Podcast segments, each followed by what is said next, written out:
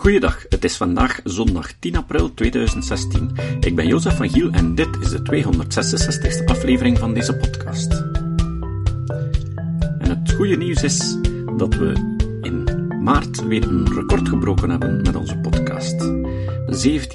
17.000 downloads per week. Vandaag horen jullie een tekst die aanvankelijk in The Conversation verscheen en de auteur Dr. Eduardo Nicolas Schultz gaf ons de toelating om de tekst te gebruiken. Pseudowetenschap. We zouden nu beter moeten weten. Nieuws over groepen tegen vaccinatie vragen om creationisme op scholen als wetenschap te onderwijzen. Dubieuze claims voor gezondheid bevorderende eigenschappen van vreemde diëten.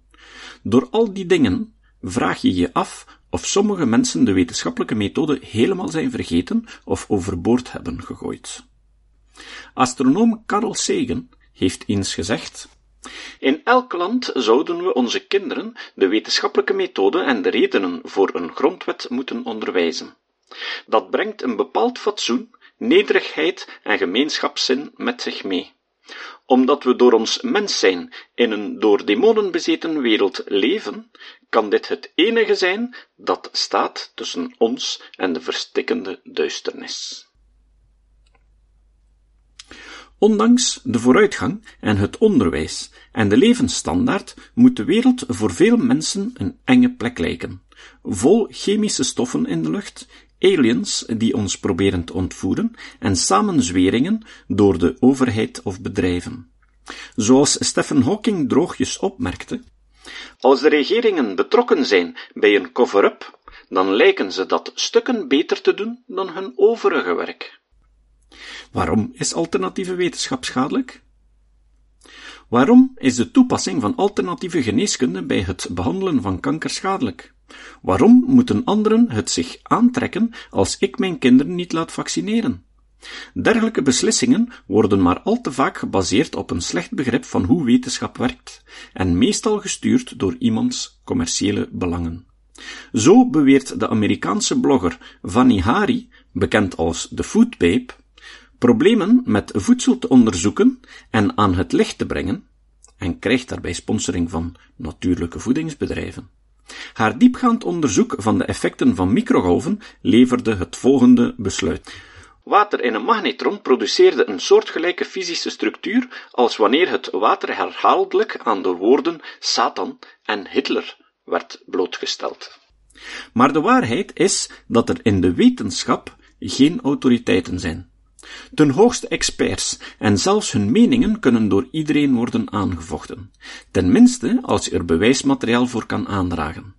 Als sommigen als autoriteit worden beschouwd en beweringen, hoe onnozel ook, worden geloofd, kunnen miljoenen daar schade door ondervinden en er zelfs voortijdig aan doodgaan. Als je dat raar in de oren klinkt, bekijk dan even de volgende twee wellnessbloggers uit Australië. Bel Gibson gebruikte haar whole food recepten en alternatieve therapieën, beschikbaar als boek en smartphone-app, als een natuurlijk wapen in haar strijd tegen kanker. Een kanker waarvan ze later toegaf dat hij volledig verzonnen was. Of Jessica Einskoch, de wellness warrior. Haar echte sarcoom werd niet gehinderd door de pseudowetenschap van natuurlijke genezing, waarvoor ze op haar blog pleitte. Einskoch stierf in februari 2015. Kanker is vreselijk voor wie ermee geconfronteerd wordt en voor hun familie. Wat een aantal van deze wellnessbloggers ofwel misleidt omwille van persoonlijke winst doen, is niet alleen een belediging voor deze mensen en voor wie dierbaren aan de ziekte hebben verloren, maar ook een onverantwoordelijke daad. De desinformatie en wetenschappelijke onwetendheid van de antivaccinatiebeweging brengt niet alleen hun eigen kinderen in gevaar, maar is ook van invloed op het leven van de rest van de bevolking.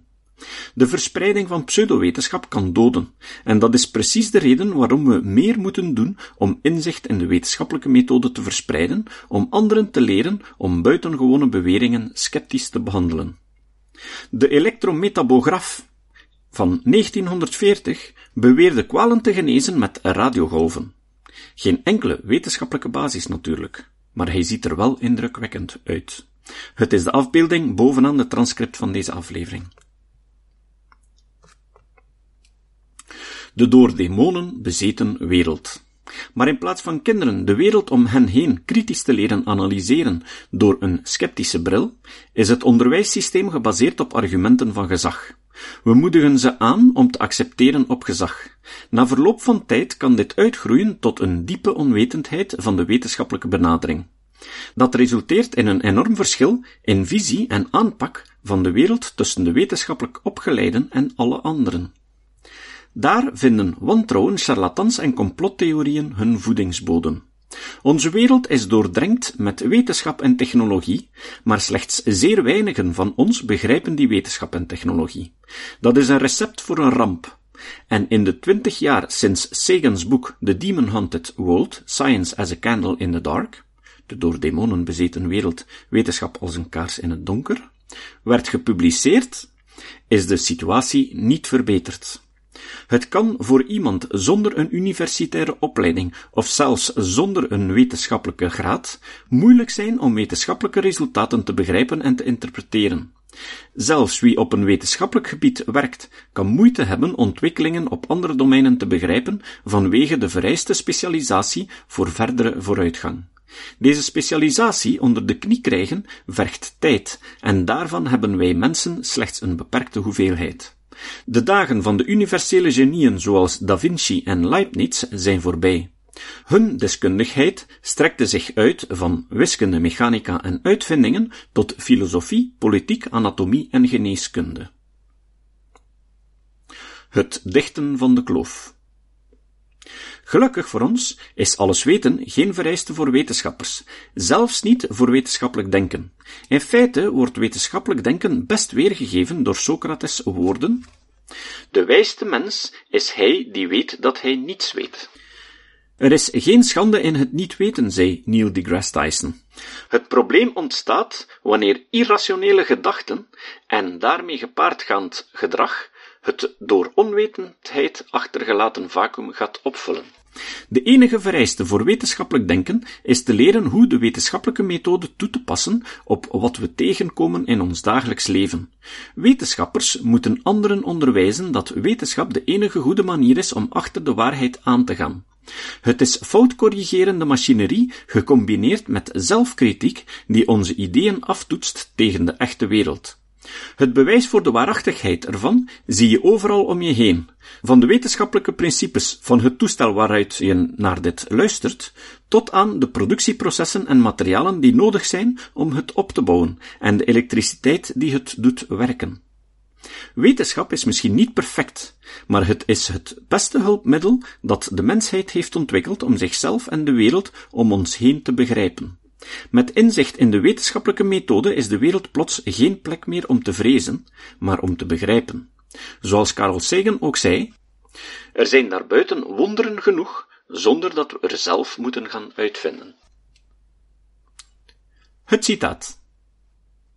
Het citaat van vandaag is opnieuw van Maarten Boudry. Boudry zei, de gedachte dat illusies onschuldig zijn, dat heilige teksten nooit schuld treft of dat niemand die dingen echt gelooft, is zelf een schadelijk waanbeeld.